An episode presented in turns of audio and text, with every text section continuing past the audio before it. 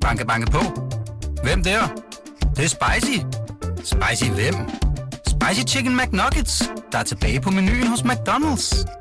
Badum, bom, tji.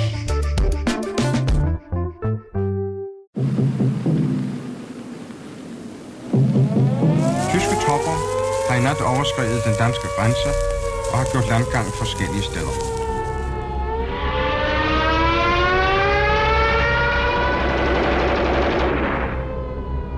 December 7th, 1941, a date which will live in infamy. We shall fight on the beaches. We shall fight on the landing grounds. We shall fight in the field. Wir werden Ziel um Ziel zäh beharrlich erreichen.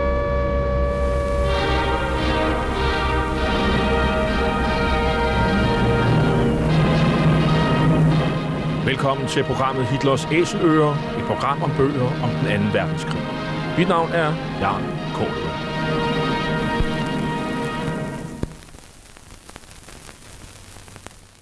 Den anden verdenskrig blev indledt den 1. september 1939 med det nazistiske Tysklands overfald på Polen. Der var tale om en racistisk erobringskrig, der kostede mellem 55 og 70 millioner mennesker livet, og hvor nazisterne systematisk myrdede jøder, romager, slaviske befolkningsgrupper, politiske modstandere og alle andre, der ikke passede ind i deres forestillinger om et ensartet folkefællesskab. Nazisterne de blev i årene efter krigen dømt ved krigsforbryderdomstolen i Nürnberg, og flere af deres organisationer, såsom nazistpartiet NSDAP, SS og Gestapo, ja, de blev stemplet som ulovlige forbryderorganisationer. I denne serie, som vi har valgt at kalde for Hitlers æsløer, præsenterer vi nogle af de mange bøger, som i disse år udkommer om den anden verdenskrig. In days of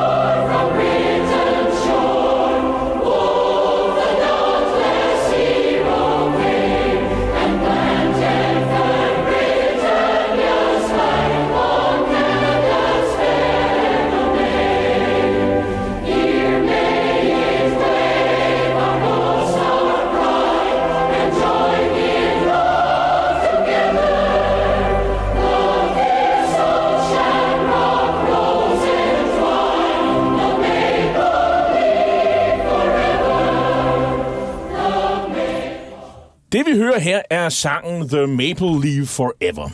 Er hornsbladet for evigt. Indtil 1980, ja, så var det Kanadas nationalsang, og den handler om båndet mellem Storbritannien og Kanada, som under 2. verdenskrig var Storbritanniens dominion. Det vil sige, det var en selvforvaltende koloni dog med meget stor grad af selvstændighed.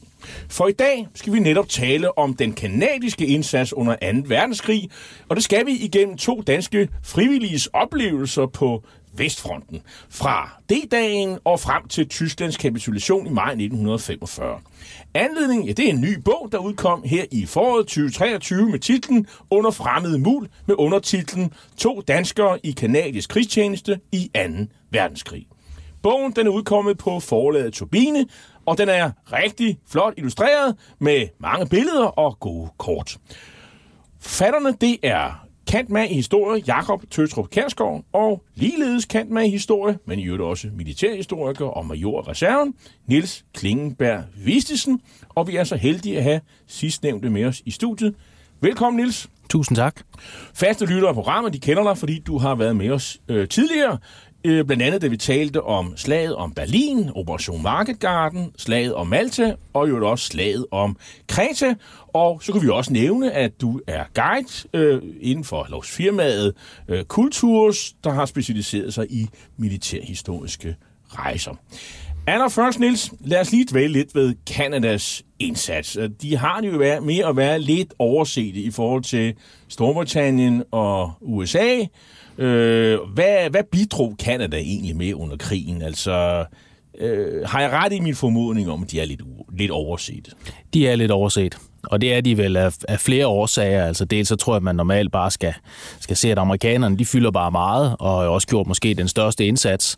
Øhm, og så som du selv indledte med at sige, så var Kanada jo en, en, jo en dominion under, under Storbritannien, og så har man måske haft en tendens til at slå det lidt sammen med, med Storbritannien. Og jeg skal da nogle gange øh, tage mig selv i det, når vi, når vi er nede i Normandiet, i stedet for at sige de engelske og de amerikanske strande, og så sige de britiske, de kanadiske og de amerikanske strande, for ligesom at få størrelsesforholdet på plads. For jeg læste lidt op på det, fordi øh, altså indtil Første Verdenskrig, der er sådan set udenrigspolitikken øh, styret fra, fra, fra London, så når, hvis, mm. når øh, Storbritannien erklærer krig, jamen så er Canada sådan automatisk også i krig. Ja. Men sådan var det faktisk ikke under 2. verdenskrig. Men, men kanadierne, de fulgte faktisk trop. Men Ja. det var jo deres eget valg i og for sig.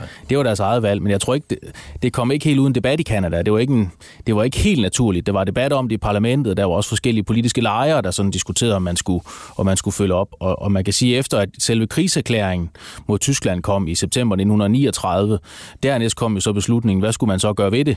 Altså udover at man erklærede krig, øh, og det er også det, der gør i Kanada, for eksempel at værnepligtige kun bliver brugt i Kanada, og man faktisk skal melde sig frivilligt i Kanada, hvis man vil på oversøgstjeneste, det vil sige til, til Storbritannien og til Europa og, og kæmpe. Og det er jo blandt andet lidt deres erfaringer fra Første Verdenskrig, hvor de også havde leveret en meget, meget stor hær øh, til Første Verdenskrig, til, til slagmarkerne i skyttegravene, og lidt nogle meget, meget store tab i Kanada, som faktisk gav noget intern politisk uro i, i, i Kanada under Første Verdenskrig.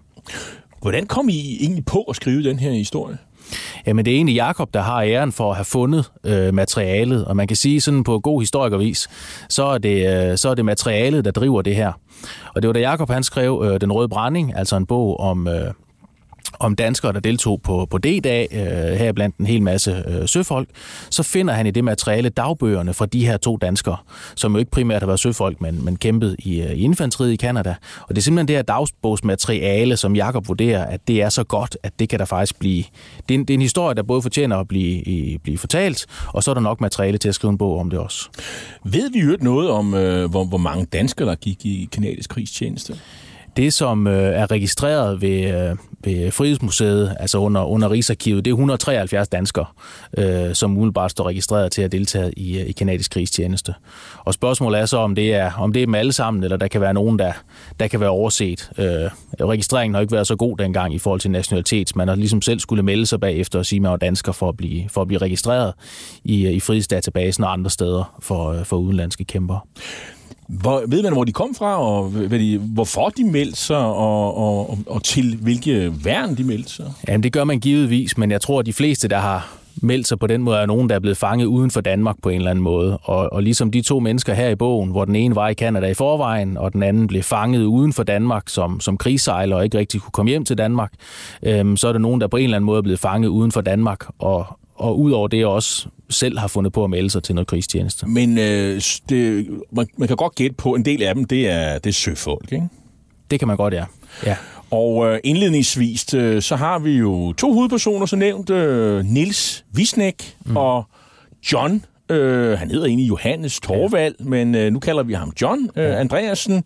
Øh, hvem, hvem var de? Hvor kom de fra? Og hvordan havnede de egentlig i Canada?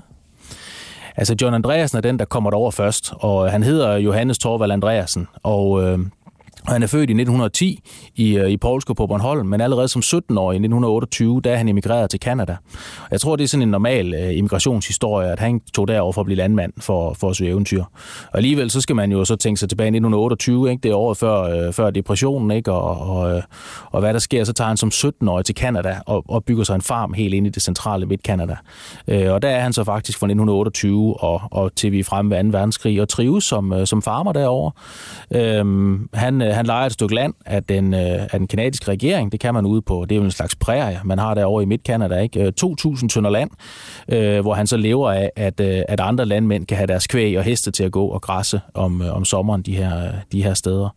Øh, så det er egentlig hans historie. Og hvad der egentlig drev ham til Canada som 17-årig, det ved vi ikke. Det, det fremgår ikke. Man kan gætte, men øh, der, der var mange Bornholmer, som udvandrede, ja. Og det er faktisk for hele landet, så der mm. har måske været en, ud, en, en udvandringshistorie ja. der. Ja. Øhm, men altså i, i realiteten, han skinner er sådan set lagt, han er udvandret. Ja. Øhm, og, øh, og så kunne man jo øh, tale om, om Niels, det er måske en lidt mere traditionel historie. Han, han har været i handelsflåden og ja. Sejlet med DFDS og ØK blandt Ja, andet. ja, han har sejlet med Georg Stage også. Og det er lidt en sjov historie. Han, øh, han er vokset op på Boulevarden i København. Hans far var kunstner mm. og lavede scenemateriale.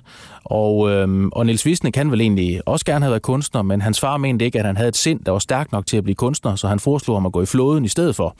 Og øh, det lyder sådan lidt omvendt, men, øh, men derfor så kom Niels Visne altså ud at sejle. Tøsdrengene, det er, når vi skal ud og sejle. Ja, de skal ud og sejle. øhm, og øh, jeg tror sgu, det var ret hårdt, ikke? Altså, han, han taler om at sejle på skibe, der ikke var strøm på og sådan nogle ja, ting, og fik en hård behandling der, ikke? Øhm, men han er så ude at sejle øh, ved krigsudbruddet på et, øh, på et motorskib ude på, ude på Atlanten, ikke? Mm. Så det krigsudbruddet, og så kan han ikke komme hjem til Danmark. Og, øh, og så afmønstrer han i New York og kommer så på andre veje til Canada og, og er så deroppe, hvor han så melder sig til, til den kanadiske her på et og, tidspunkt. Og på et tidspunkt, det er så før uh, krigsudbruddet, der er han så med og, til at sejle den norske guldtransport, ja. altså Norges Nationalbank, ligesom vi i ja. Danmark også fik udskibet ja. vores ja. uh, guldreserver, så, så mener han, han var med, eller det er der noget, der tyder ja. på i hvert fald, ja. at guldreserven, det var med det skib, han sejlede med. Ja. Og uh, han oplever blandt andet også et, et bombeangreb på, på Liverpool ja. og sådan nogle ja. ting. Så det, men uh, uh, John, han øh, melder sig faktisk meget tidligt, altså det er allerede i februar 1941. Ja, og det er noget af det, jeg synes, der er meget interessant i historien, det er, hvorfor de her to, de melder sig. Ja. Øh, fordi det har de slet ikke haft grund til. Og jeg tror, eller ikke haft grund til, det lyder forkert, men, men det er ikke, de er ikke blevet tvunget til det, det er ikke været naturligt. Hvis man forestiller sig John Andreasen, der har, der falder, hvad skal vi sige, den danske historie lidt sammen med den kanadiske. Øhm, fordi han har været i Kanada i, i noget, der ligner 12-13 år på det her tidspunkt. Ikke? Og øh, han skriver i sin dagbog, i det her dags, bogsmateriale, der, der er helt fantastisk, øh, hvor der er mange følelser, at han sidder over i Kanada, han bliver virkelig forbandet, da han hører i radioen, at Danmark bliver besat af tyskerne. Mm. Ikke? Det vil han rigtig gøre noget ved. Og så, øh, og så, så passer det sammen med alle de kanadiske mænd. Altså, der er mange i Kanada, som også er vrede på nazismen. Det er ikke, øh, det er ikke kun tyskerne. De ved godt, det er som om, de godt ved, at nazismen er noget ondt, de skal kæmpe imod. Øhm, så, så, så den der stemning i Kanada med, at man skal gøre noget, passer meget godt med, at John Andreasen også sidder og siger, at han vil også gøre noget for Danmark, sammen med de andre mod nazismen. Og det er det, der ligesom driver ham til at, at melde sig til krigstjeneste. Øhm. Og hvor kommer han så hen, Jørgen? Så kommer han først ind i uh, John Andreasen, da han melder sig. Det, uh, han, han skriver sådan lidt, at han er glad for flyvemaskiner, og derfor så melder han sig til luftværnet. Uh, han har nok måske indset, at Luftværnet? Ja, det er jo lidt, lidt, lidt, det modsatte. Ja, det er det. Det er at plaffe den ned, jo. Og plaffe dem ned i stedet for. Men han måske mm. kunne indse, at han ikke kunne blive pilot, eller ikke haft mulighed for at blive pilot. Det kan være, han ikke har haft, uh, haft evnerne til det. Men han melder sig til luftværnet i, i Canada. Og John, han er på det her tidspunkt, han er i starten af 30'erne. Ja, han er så. Altså, ja, han er så. Han er voksen. Ja. Og, øhm, og, og man kan sige, det der med luftartillerist, øh, eller hvad, er, hvad hedder man, luftværnsartillerist, er man ja, ikke det? jo, det er man. Det, det, det er jo ikke sådan, det er ikke den, lige den funktion, vi normalt har brugt mest tid på her. Det, det, det er sådan mest øh, infanteristerne, vi har, ja. og, og måske øh, øh, faldskærmsfolk og sådan noget. Ja. Og, og, og, og så kan vi også øh, lige øh, tale lidt om, om, om Nils, fordi øh, hans vej til den kanadiske her, den er jo lidt, den er lidt mere broet, må man nok lov sige. Ja, det er den. Altså han kommer jo først, han afmønstrer først i New York og prøver at gøre noget der, kommer så til Canada og bor hos en familie. Øh, han er måske lidt svær ved sådan at finde sin, sin vej frem, men han er også svært at blive optaget i den kanadiske her, fordi Danmark ikke er en krigsførende nation på det tidspunkt. Vi er jo ikke en allieret. Øhm, og, øh, og, og, og han er faktisk lidt svært ved at, at melde sig og få lov til at melde sig. Og man kan sige så nogen som nordmændene, der gjorde modstand under, under den tyske besættelse der i, øh, i april øh, 1940, øh, de mobber ham faktisk noget. Og, øh, og han, han finder faktisk ud af i USA, og det er en meget sjov øh, vending lige at få med, at den har jeg i hvert fald aldrig hørt før, at det hed sig i USA i 1940-41 i en boksekamp, at hvis man gik ned efter det første slag, så hed det dog like a Dane, mm. altså dukser som dansker, øh, med henvisning til 9. april 1940, hvor hurtigt vi overgav os. Øh, så han siger, at det bliver nemmere efter øh, samarbejdspolitikens ophør i august 43, der bliver det ligesom mere acceptabelt at være dansker. Øh, så, så det, man er lidt uleset som dansker i udlandet på det tidspunkt, og, og kan ikke sådan automatisk melde sig til kamp, fordi man er dansker. Man er lidt i tvivl om, hvordan vi står i forhold til nazisterne. Og i begyndelsen, så er han jo sådan set bare, bare, bare krigssejler. Han sejler jo faktisk i starten som krigssejler. Ja, øh, fordi det gør det, han, ja. Fordi det er der jo virkelig brug for. Det er der brug for, ja. og, og, og det er heller ikke helt ufarligt. Nej, altså konvojtjeneste over Atlanterhavet der i de første krigsår med de tyske ubåde og, og ulvekobler og sådan noget, det har været rigtig farligt. Det er der ingen tvivl om. Og, og som du selv fortalte, de sejlede til, til England, til Liverpool på et tidspunkt, hvor deres skib blev bombet, og faktisk blev truffet af tyske bomber i, i Liverpool i, i krigens første år. Men øh, og han melder sig, forsøger at melde sig til, til, til norske luftvåben, men, men de vil ikke have ham, øh, de der grunde, du lige har nævnt. Og så, og så, men så bliver han faktisk optaget i den kanadiske her. Og der er han, hvad er hans funktion? Han er jo nærmest det, vi kalder for kører, eller Ja. ja. chauffør, Han er når han kø- ikke er infanterist. Han er kører på en, øh, på en forsyningslastbil, eller man vil kalde ham en forsyningshjælper, tror jeg. Og så vil vi I, sige, øh, det er jo måske ikke det he- mest heroiske, det er jo, det er jo sådan nærmest trænet. Ja, øh, ja. Men altså, han blev også udsat for ting og sager undervejs. Det gør de, det gør de.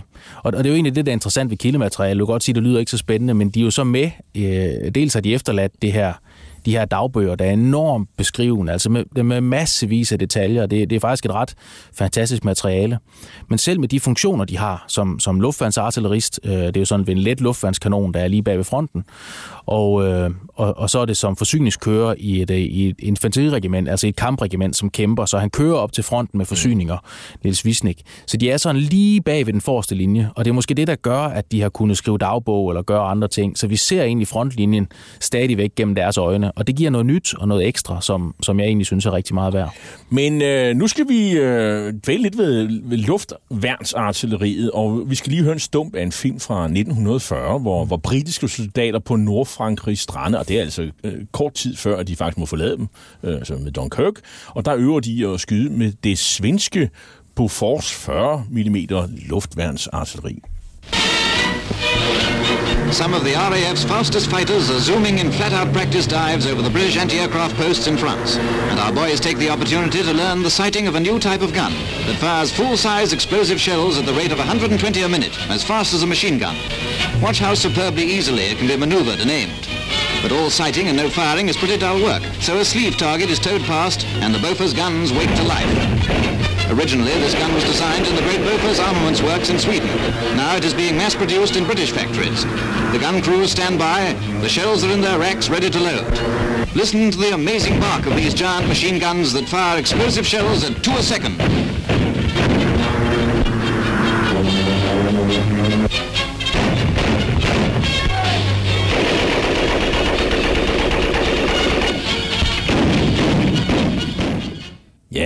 Meget karakteristisk. Bum, bum, bum.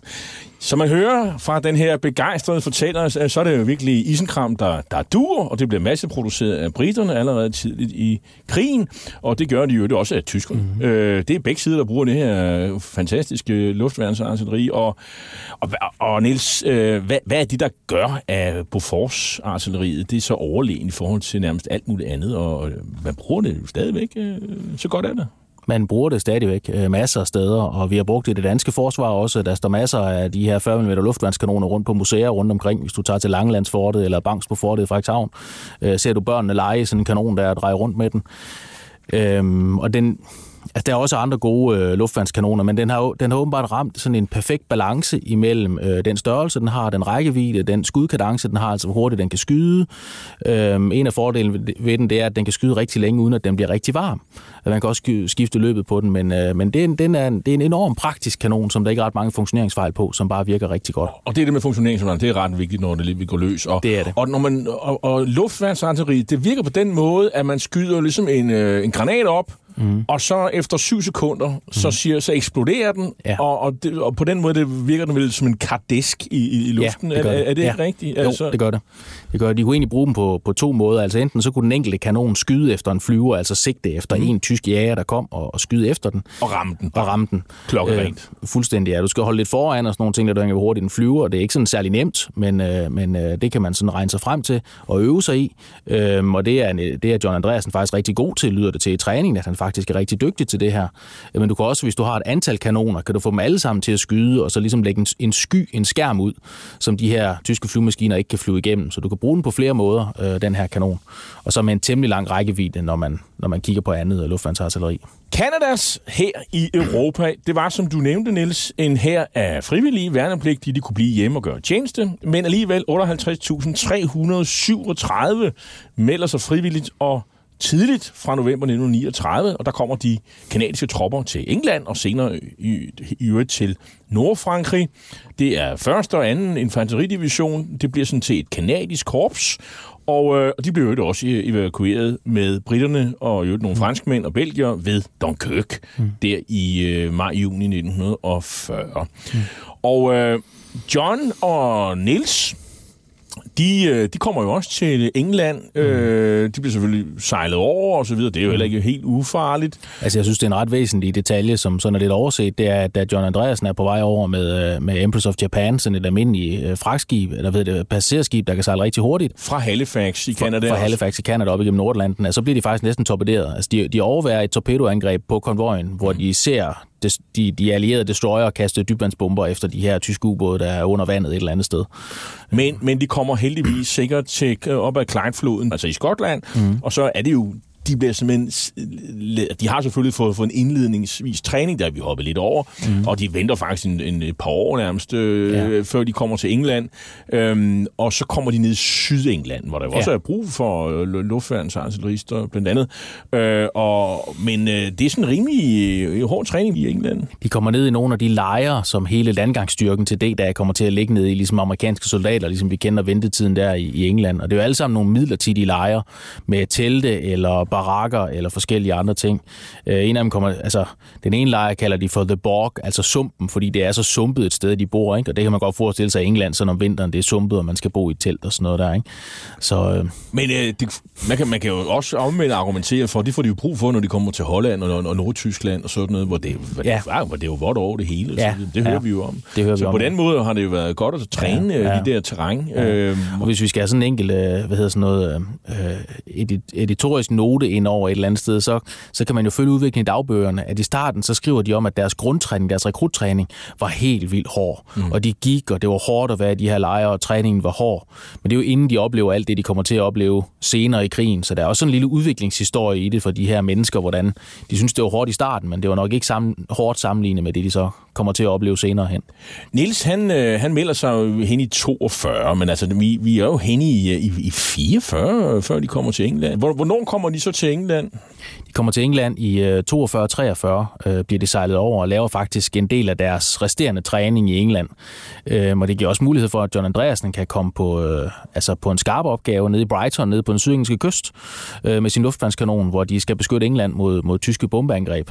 Og han skyder faktisk sit første tyske fly ned øh, over den engelske kanal under et angreb på, på Brighton. Det beskriver han. Og det er meget levende, hans beskrivelse om, at- hvor man, altså, der er jo ikke overladt noget til tilfældigheder. Det er jo grufuldt, fordi han, ja. Ja. der er også en vis sympati for, for de der tyskere, der ryger Ja. ned. Altså, det, det, og han ser jo også britiske fly, der ikke klarer det og kommer Ja. tilbage igen. Ja. Og det er sådan meget levende. Altså, vi Ja. taler om en mand, der jo formentlig ikke har fået voldsomt meget skoleuddannelse, men han, han beskriver det meget levende. Ja. Så det, det Ja. må jeg sige.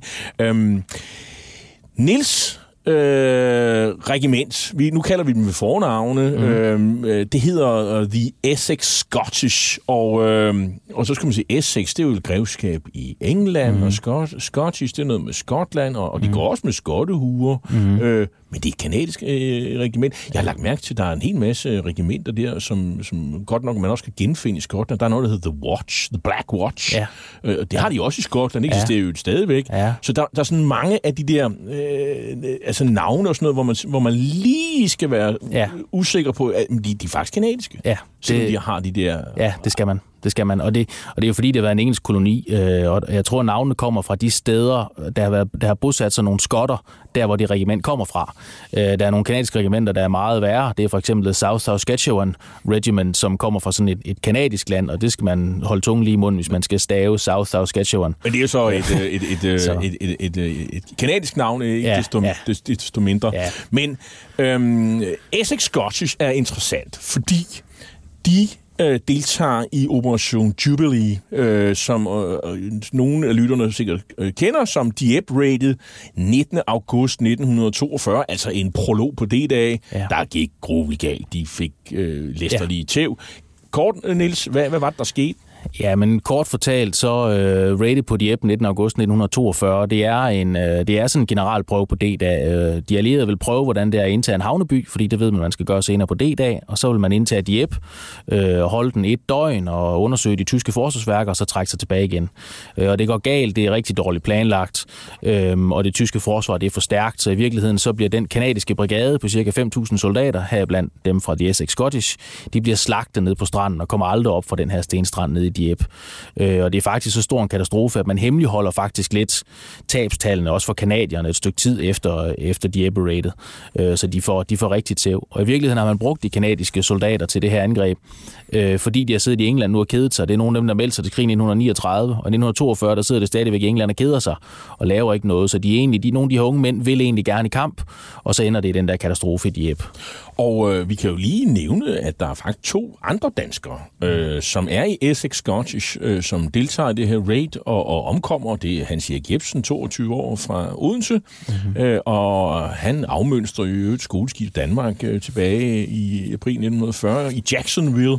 Mm-hmm. Øhm, han blev aldrig fundet, simpelthen. Øh, man ved ikke, hvor, hvor han er. Øh, og så var der Henning Rudolf Kalberg, 20 år i Københavner, og, og han omkommer også, og han ligger så begravet på en øh, sådan tæt på Dieppe. Mm. Øhm, vi skulle måske lige øh, stoppe her. Øh, Nils og John, den ene København og den anden Bornholmer, de har sådan været i Canada og mig. Mødes de på noget tidspunkt i, syd, i Sydengland? Mødes de på noget tidspunkt i, under 2. verdenskrig? Det tror vi ikke. Der er ikke noget, der, der, er ikke noget, der tyder på. Der er ikke noget i, øh, i kilderne, altså i deres dagbøger eller noget, som viser, at de har mødt hinanden. De har været på et tidspunkt i vinteren 44-45, kan vi se de steder, deres enheder har været, at de har været meget, meget tæt på hinanden. Men der har været tusindvis af soldater. Øh, og selvom de har haft sådan et dansk øh, på skulderen, så de skriver ikke om, at de møder hinanden. Så, så vi ved det ikke, men det er ikke sikkert, at de har Men altså, at de kunne gå forbi hinanden på gaden, Ja. eller de har siddet på det samme værtshus, Ja. det, det, det er meget sandsynligt, men vi Ja. ved det simpelthen ikke. Nej. Men øh, I, I har også et, øh, et, et afsnit med, at, at Danmark øh, genvinder respekten, og, og, du nævnte det der med den politiske udvikling i Danmark i 1943, og, og, og det er krigssejlernes indsats, som bliver berømmet, øh, og det har den der betydning med, at øh, danske øh, handelsskib, som er jo i den her øh, konvojsejlads, de har måttet øh, sejle under britiske øh, flag, mm. og nu får de lov til fra slutningen af 1943 at sejle med Danbro. Det er jo... Ja. Det er vel i sig selv en anerkendelse, eller hvad? Jeg tror, det er en, jeg tror, det er en større anerkendelse. Jeg tror, det giver mere politisk øh, øh, hvad hedder sådan noget, kapital, end man sådan lige forestiller sig. Men også et signal til de danskere, der faktisk kæmper. Altså prøv at tænke på, på Niels Wisnik og John Andreasen, der har meldt sig for at kæmpe for Danmark, ikke? Øh, uden rigtig at kunne få lov til at kæmpe for Danmark. Ikke? Og nu får de lov til at få et dansk flag på og vise, at de rent faktisk er danskere og blive anerkendt og kan ikke blive mobbet længere nordmænd. Jeg tror, det har været vigtigt, hvis man har været dansk soldat i en, i en anden her. Men vi nærmer os øh, D-dagen, som jo løber af staben der 6. juni 1944. Det ved vi de fleste af os, øh, der har fulgt med i den her programserie. Og øh, man kan sige, det, det handler jo om at få øh, gjort folk klar. Der er, øh, er det to millioner soldater, man har, har, har, har klar legnet op, kunne man sige, i, i det sydlige England. Øh, og så skal de jo så afsted. Og øh, allerede fra 10. marts, og det vil sige, det er jo sådan tre måneder før, der får de faktisk deres bevægelsesfrihed indskrænket. Og øh, Andreasen, han ligger nord, nord for Southampton, og, altså John Andreasen, og øh, Nils Wisnik, han ligger over ved Eastbourne, Portsmouths øh, område, det er over mod Cornwall, den vej af. Øhm, og, og der er det jo faktisk, øh, Nils Wisnik, han beskriver i sin dagbog, at øh, der, der kommer sådan noget slagsmål, og det tyder nok på, at der sådan, må være sådan lidt kuler, at man går rundt i sin en lejr, du kan ikke komme ud, du kan ikke komme ud og slå mm. til søren, du kan ikke gå op på en lokal og, og, og drikke øl, du kan ikke fraternisere med de lokale øh, engelske damer, så, så, så folk, de er faktisk, de er sådan, det er som løven i en bur, de ved at være, Ja, ja. nu skal de altså, nu skal ja. der ske noget, ikke? Det er jo ene unge mænd, der går og venter på at komme i kamp med de her nazister, ikke? Og, og de ved jo ikke, for de må ikke få at vide, hvornår det sker. De kan bare gå og vente, ikke? Og, og det er igen den der beskrivelse af, som du siger, vi kender alle sammen historien, men vi ser det normalt fra Eisenhowers perspektiv, ikke? Hvor vi ser det opfra, hvor vi ved, hvad planen er, hvorfor det bliver hemmeligholdt, ikke? Mm. Her har vi nogle af de menige, der sidder dernede, og vi finder ud af, hvordan er det faktisk at sidde nede i sådan en lejr og bare vente på det, ikke? Og så får man kugler, og så begynder man at slås som et franskbrød og sådan nogle ting, og tæve hinanden og sådan noget der, fordi man ved sgu ikke, hvad, du får ikke at vide, hvad der foregår. Du er nødt til at vente i den her lejr, ikke? Og, og det handler selvfølgelig om øh, opsigt, ikke? altså sikker, Selvfølgelig. sikkerhed, og man kan, de, de kan vel dårligt nok skrive til deres øh, kære og, no, ja. Noget som helst. Altså. Ja. Banke, banke på. Hvem der? Det, det er spicy. Spicy hvem? Spicy Chicken McNuggets, der er tilbage på menuen hos McDonald's. Badum, bom, tji. Men øh, så er det jo godt, at øh, Montgomery, han kommer forbi og, og, og, og hilser på, på tropperne. On the eve of this great adventure, I send my best wishes to every soldier in the Allied team. To us, is given the honor of striking a blow for freedom which will live in history. And in the better days that lie ahead, men will speak with pride of our doings. We have a great and a righteous cause. Let us pray that the Lord, mighty in battle, will go forth with our armies, and that his special providence will aid us in the struggle. I want every soldier to know that I have complete confidence in the successful outcome of the operations that we are now about to begin. With stout hearts and with enthusiasm for the contest, let us go forward to victory. Ja, det har ikke helt den samme patos som øh, Henrik den 5. i Shakespeare's skuespil øh, og forud for slaget ved Agincourt. Men, men, men der er jo sådan øh, lidt af det, kan man sige, her i den her tale. Men øh, det var så talen, men han er faktisk også ude, og, og der har vi, det kan man så i god vise her, der er også nogle fine billeder i, i jeres bog, ja. øh, hvor han er ude og, og snakke med tropperne, for dem vil han virkelig gerne møde. Altså, han kan jo også noget med propaganda, kan man sige. Og, øh, og Nils, han øh, er vel en af de heldige, der får lov at stå Det er han, ja. relativt tæt på ham. Det er han, ja. Det er han, ja. Og det viser også, at Montgomery nok godt kunne tænke sig at være, ligesom øh, kong Henrik ikke at komme ud og, og, og have den der status. Ikke? We few, we happy Ja, few, we præcis. band of brothers. Ja, det, ja. altså Montgomerys ego, det var jo ikke lille.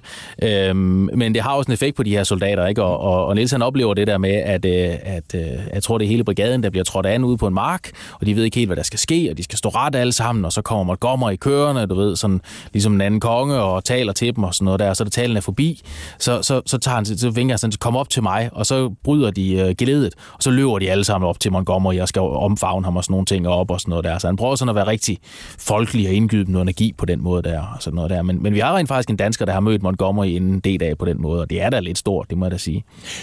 Nu øh, går D-dagen så i gang der øh, om morgenen 6. juni. Øh, og hvad er så øh, John og John Andreasen og, og Niels Wiesnæks funktion? Hvad, hvad, hvad, hvad foretager de sig? John Andreasen er jo med som, som luftværnsskytte øh, ude i et øh, let øh, luftværnsbatteri. Øh, så han er med på en af skibene, der kom ind om eftermiddagen på Juno på D-dag. Så man kan sige, at selve invasionen er overstået, men, men det, det, det er dog samme dag, den 6. juni om eftermiddagen. Og der skal han sættes i land, og de har fået den her... Øh, den her luftværnskanon, de har sådan en udgave, en, en Morris CB9 hedder det, en lille lastbil, hvor den her kanon sidder op på ladet. Så vi skal forestille os, at han kommer rent faktisk ind til Juno Beach på D-dag med en landgangsbåd, som slår rampen ned, og så skal han køre den her kanonbil ud og køre den ned i vandet, og han beskriver lidt, hvordan den er ved at drukne i vand, ligesom så mange andre køretøjer på D-dag, og hvordan de kører op på stranden, og hvordan der ligger døde soldater og bombekrater og alt muligt andet. Sådan en rigtig D-dags beskrivelse og køre ind i land for at beskytte landgangsstyrken mod tyske fly. Og han er sådan en tredje bølge, eller noget den stil? øh, Ja, måske lidt senere, men og, ja. Og, og, og, og Juno, det er jo, der, der er jo de her, vi kender Omaha og, og så videre, de forskellige. Ja. Og Juno, det er ligesom der, hvor kanadierne går i land. Og, Ja. og, og Juno hedder den, fordi at Churchill, det siger i hvert fald historien, at der var jo øh, gold, og der var sword, der udkrævede ofte fisk, goldfish, swordfish, og så var der i planen jellyfish, og så, så sagde øh, Winston Churchill, man kan ikke lade en mand dø på en strand, der hedder Jelly. Øh, det kan der måske være noget om, så det blev lavet om til Juno. Ja. Øh, jeg tror, de er glade for det i dag, og det vil sige, ja. Så Juno, det er også øh, det kanadiernes strand. Det er ja. også der, hvor de ja. Altså, mindede om, for det gør de faktisk en del ud af, Det gør de. at, at, at øh, det er der, hvor, hvor vores drenge, de øh, gav deres indsats. Så Juno ja. er stort i Canada. Det er det. Der er lige blevet bygget et stort nyt kanadisk museum, eller der har hele tiden været et kanadisk museum på Juno Beach, men det er lige blevet udbygget med kanadiske penge også, for ligesom at, at understrege den der kanadiske indsats. Så, så det gør de meget ud af, ja. Men, øh, og det går vel egentlig fint for, for, for John. Altså, han, øh, altså, han kommer som tørskud i, i land, Ja. og, og de øh, stiller op og så videre, og, Ja. og er han i kamp? Ikke den øh, 6. juni. Øh, Luftwaffe er der ikke ret meget tilbage af på D-dag, og selvom der er, der er flere, flere maskiner i luften end de der to, vi ser i filmen om D-dag, i den længste dag, men, men der er ikke ret meget. Øh, men efter nogle dage, så begynder Luftwaffe at røre lidt på sig, og den, øh, den 9. juni, altså tre dage efter øh, D-dag, der kommer det første tyske luftangreb ligesom mod, mod Juno, og der skyder de deres første tyske flyver ned i, øh, i Frankrig. Men, øh, men John Andreasen, han fortæller i hvert fald meget om, han er meget imponeret af skibsarteri. Nu er han jo altså ja. Et eller andet Ja. sted, så, Ja. og han det er hammerløs, og Ja. han fortæller, at de får godt godt nok tæsk. Øh, Ja. Men det vi, han, vi så også ved, det er jo, at øh, det har faktisk ikke en stor effekt. Øh, Ja. de, de, de, de er godt beskyttet dernede. Ja. Og øh, Nils, øh, selvom han er kanadier, og selvom han er, er, er i, øh, der, altså han er jo sådan set øh, i den øh, funktion, han nu har med, hvor han er jo kører osv., det er han kommer på, og det er faktisk ja. først dagen efter. Ja. Øh, hvad oplever han? Jamen det er grunden til, at han ikke kommer ind, grunden til, at han kommer ind på sort og ikke lige med sit eget regiment der med Essex Cottage, det er, at han får tandpine kort tid før det der, og skal hæve en tand ud. Og derfor så må han, bliver han så syg, og så må han forlade sit regiment. Det er der, hvor de er, er buret inde der, inden det dag, hvor de ikke må tale med hinanden, og da han så kommer på hospitalet, kan han jo ikke komme tilbage til sin enhed. Øhm, så han er sådan en slags erstatningsinfanterist, som, øh, som kommer i land der den, øh, den øh, øh, dagen efter det dag på, på Sword Beach, og så ligger han nede bag ved Bayeux by. Og vi tror ikke rigtigt, at han er i kamp. Øhm, det kan også godt være, at han ikke har skrevet det, fordi han skriver ikke så meget om kampen, Niels Wisnik, så vi ved ikke helt, hvad han har lavet der, men det er først en måned senere, altså den 5. juli, altså ret præcis en måned efter D-dag, der kommer hans eget regiment, de Essex Scottish, der kommer de i land på Juno og kommer ind og skal kæmpe ned i Frankrig, og så kommer han så tilbage til sit eget regiment der. Men øh, for lige at, at opsummere omkring Juno, hvad der sker for kanadierne mm. den 6. juni. De får 20.000 soldater øh, mm. i land øh, på første dagen, 900 mm. kampvogne, mm. og øh, øh, 941 kanadier og 234 britter, de er nemlig, der er også et, sådan et britisk kontingent på Juno, øh, er døde, såret eller taget til fange. Det, det er simpelthen tabende, mm. og øh, 340 af dem i alt er døde. Mm. Øhm, og de når så 10 km ind i land, mm. øh, altså de, øh, fra Juno, mm. og, og planen er jo faktisk til Kang, som Ja. er den her Ja. by, Ja. øh, som bliver ret øh, vigtig, fordi den sidder ligesom en prop. Ja. De skal forbi Kang for Ja. at komme videre nordpå. Og øh, der er altså øh, det tyske 21 panserdivision, der gør modstand der, Ja. og, øh, og skaber problemer, faktisk, ham- faktisk temmelig lang tid. Ja. Øhm, hvad, hvad, er, det, er det bare panserdivisionen, eller hvad er problemet? Ja, det er det. Jeg tror, der der er måske flere problemer i det. For det første, så er selve planen med at skal indtage den her by Karen, som ligger 10 km ind i landet på, på, allerede på den første dag, det er måske en lille smule overambitiøst af, af Montgomery, og har der været meget diskussion om efter krigen. Øh, Men det, der gør, at kanadierne ikke når det, og, og John Andreasen beskriver det faktisk, at han kører næsten frem til Karen, og så må han trække sig tilbage igen allerede den 6. juni om aftenen. Og den første dag, der er det den der tyske 21. panserdivision, som laver et modangreb, som ligesom holder de allierede tilbage. Men allerede den den 7. juni, og det er egentlig det, der sådan, det er meget kendetegnende for de næste to måneders kampe omkring Karen for kanadierne i virkeligheden. Det er, at den, den 7. juni, der er kanadierne klar til at angribe Karen igen, øh, og de går klar ud i en kornmark, det er jo midt om, øh, der for på sommeren, så, så kornet, det står sådan øh, halvhøjt øh, nede, i, nede i Frankrig, og de her kanadiske infanterister uden kampvogn, de, de ligger ude i den her kornmark og går klar, og så kommer spydspidsen fra den 12. SS Panzerdivision Hitler Jugend, som er en del af panserreserven, og de når lige nøjagtigt frem om eftermiddagen den 7. juni og overrasker de her kanadier ude i den kornmark og mejer dem ned med morterer og, og maskingevær, så kanadierne må opgive angrebet.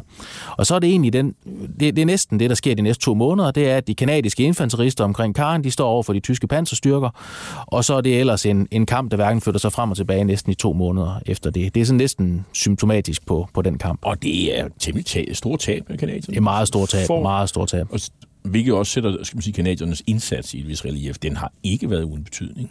Det har den ikke, og det er på et tidspunkt i krigen, hvor, hvor britterne, hvor England er ved at løbe tør for infanterister, altså for unge mænd, som man kan indkalde til krigstjeneste.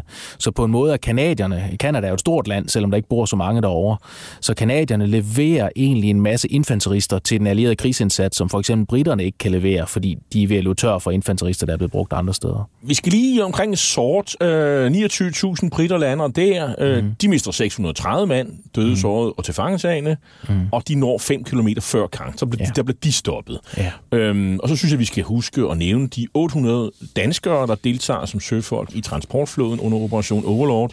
Øh, en helt uvurderlig indsats. Øh, formentlig også den største, øh, set fra et dansk perspektiv. Øh, og det tillader vi os at nævne, fordi det er jo trods alt et dansk program, og mm. derfor er der også danske lytter. Men jeg er godt klar over, øh, at der er jo mange andre nationer, der har mm. leveret meget mere end Danmark. Mm. Øh, og det synes jeg, man også skal huske at nævne. Og mm. i dag går vi jo en del ud af kanadiernes indsats, som Ja. ja. vi synes er blevet overset. Øhm, 14.000 kanadiske soldater deltager på første dagen af D-dagen på Juno øh, Beach som del af 3. infanteridivision, og så følger mange flere efter i dagene øh, herefter. Mm, og som sagt, i, og nu tager jeg nogle tabstal, og det, det er sådan, øh, nogle af dem, de, de er sådan for hele operationen. Mm. Det vil sige, det er flere dage. Der er der altså 5.000 kanadier, der mister livet, og 359 på første dagen. Og øh, de fleste af kanadierne, de er begravet på to kirkegård i området øh, omkring øh, Juno. Ja, og den, den ene af de helt store ligger lige nede øh, syd for Karen faktisk, okay. Okay. sådan helt ude i åbent terræn. Det er jo en meget stor kirkegård med de her, med de her tal. I alt mister Canada 18.000 mand. Altså nu taler vi enten døde, såret eller taget til fang. Det synes jeg også er et stort tab. Og nu, nu sammenligner det med, øh, hvor, og nu er det et tal for, hvor mange døde. 130.000 soldater dør under hele kampagnen. Det er på begge sider. Ja. Og heraf mener man, at de 80.000 er tyskere, eller folk i Ja. tysk uniform, Ja. fordi øh, de tog faktisk øh, fra alle mulige steder og forskellige steder ja. fra, og, og de var nødvendigvis ikke alle sammen tyskere. Mm. Så en, øh, det siger bare, at øh, det er øh, prisen for det her, altså det har jo ikke været gratis på nogen måde. Øhm, Helt overordnet, Niels, øh, du har overblikket, du har jo, du guider jo faktisk på de her ture ja. her, øh, og har været der rigtig mange gange. Altså, mm. Hvorfor gik det, som det gik, og, og hvad, hvad skulle de allierede, hvad er planen herfra? De har fået brohoved, mm. de stoppede ved Kang. Øh, hvordan skal fremrykningen nu ske? Mm. Altså man, man beskylder tit, eller bruger tit forklaringen, at det er fordi, de allierede ikke var hurtigt nok til at trænge frem. Men årsagen til, at de, er, de, de, de ikke er det, som jeg ser det, det er jo, at tyskerne er så gode til at forsvare sig. Ikke? Altså man kan ikke øh, tale om en kamp uden at tage fjenden med i betragtning. Ikke? Der er også to hold i en fodboldkamp, ikke? og man kan ikke øh, kun kigge på det ene hold, man er nødt til at se, hvordan, de, hvordan det går mod hinanden. Øhm, og, og så spiller terrænet også i tyskernes favør i forhold til at, til at forsvare det. Øhm, men sådan helt overordnet, så, øh, så, så er det jo Karen, som er hovedbyen, fordi det er et vejknudepunkt, og man skal ned i syd for Karen, så man kan slippe ud af brohovedet. En ting er, at man nu har et brohoved, nu skal man slippe ud af brohovedet, så man kan bruge sine store panserstyrker til at, til at skylle ud over Frankrig og, og nedkæmpe tyskerne. Og det kræver altså, at man først øh, får indtaget Karen. Og så, der er det kanadierne, der bliver indsat som, som spydspids til at kæmpe meget infanterislaget omkring Karen. Så det er dem, der tager Det er det. øh, også må Ja. øh, Ja. på det. Så, Ja. så man kan ikke bare køre udenom. Det er Nej. sådan noget. Nej, det kan man ikke. Og, og der er jo også noget med, som siger, når, når man diger terræn, øh, det, det er lidt svært for øh, de øh, PMV og hvad det ellers øh, kører Ja. det, og det, de, det er nemt at forsvare for, for, for tyskerne. Hvad, hvad er problemet, ved, når man diger terræn? Ja, men problemet er enten, at det er mest over på den, på den amerikanske side, på kanten af, af det britiske, der er det her Bocage, hvor det er enormt tæt, hvor det er nogle meget små marker med nogle meget, meget tætte levende hegn. Og i hvert levende hegn, der ligger der nogle tyskere med maskingevær og med panserfaust, altså de her pansernærbekæmpelsesvåben, der kan skyde de allierede kampvogne i stykker på kort hold. Sådan er det der omkring, og et sted ude omkring, øh, omkring Karen, hvor terrænet er lidt mere åbent, øh, jamen der har de tyske kampvogne, som har nogle rigtig gode kanoner. Øh, nogle tyske panservandskanoner og den tyske 88'er på tier kampvogne, der kører der omkring, de kan på lang afstand stanse de allierede angreb øh, og ødelægge de allierede kampvogne. Ja, man hører om den der Achtung Axe i 88 mm. mm kanon der, som, Ja. som er jo øh, næsten lige så berømt, hvis den ikke er mere berømt end Bofors Ja. ja. 40 mm Ja, ja. kanon. Altså, den, og den kan bruge til alt muligt. Den kan, skrue, Ja. ja. De kan bruge den til lu- luftværnsartilleri, Yes. artilleri, Ja. ja. og de kan skyde direkte, og så Ja. videre. Ja. Altså, det er sådan en, en alt mulig kanon. Det er det. Øh, og den Det er, er er det. træfsikker og nem at betjene, og aldrig funktioneringsfejl og sådan noget. Ja. Og, og det, det oplever John Andreasen og Niels Wisnik også. Altså, de skriver det også, hvordan de, de deltager i kampene der, ikke? Hvordan, hvordan de bliver beskudt af artilleri, formentlig 88 også. Øh, hvordan øh, John Andreasens nabokanon bliver, øh, bliver, bliver ødelagt i et angreb og sådan nogle ting. Altså, man bliver sprængt i luften af artilleri, og hvordan de må ligge og gemme sig ind under lastbilen, mens granatsplinterne flyver om ørerne på dem og sådan nogle ting. Og, og Niels Wisnik, selvom han aldrig beskriver, at han rigtig er i kamp, så er der alligevel nogle beskrivelser der, hvor, hvor det begynder at komme rigtig på, sådan følelsesmæssigt kan vi se i dagbogen. Det er der omkring Karen, hvor han, sådan, han beskriver lidt, han ligger og kravler ude i en kornmark. Og det er der, hvor det er sjovt med sådan et kildemateriale, at det passer sammen med alt det, man har læst om de der slag, at nu har du pludselig en personlig historie at binde det op på. Han ligger og kravler ude i den her kron, kornmark, og han skal simpelthen kravle så lavt, at man skal ligge stille, så der ikke er nogen, der ser en, og man skal så lavt ned, at knapperne ikke kan være der. Og så kravler han over til, øhm, jeg, jeg, jeg vurderer lidt ud fra det, han skriver, at han har været indsat, og det, det kan man godt gøre med sådan en forsyningshjælper, indsætte ham som, øh, som sygehjælper, at han kravler ud for at tilse nogle af de såre, der ligger ude i kornmarkerne. For han beskriver sådan lidt, du ved, så er der en afrevet arm her, så forbinder vi den, og så har ham her et ødelagt ben, så kravler vi derover, og så siger han så, så lille skat, du skal nok klare den, og så er man ham på kinden indtil livet det er ud.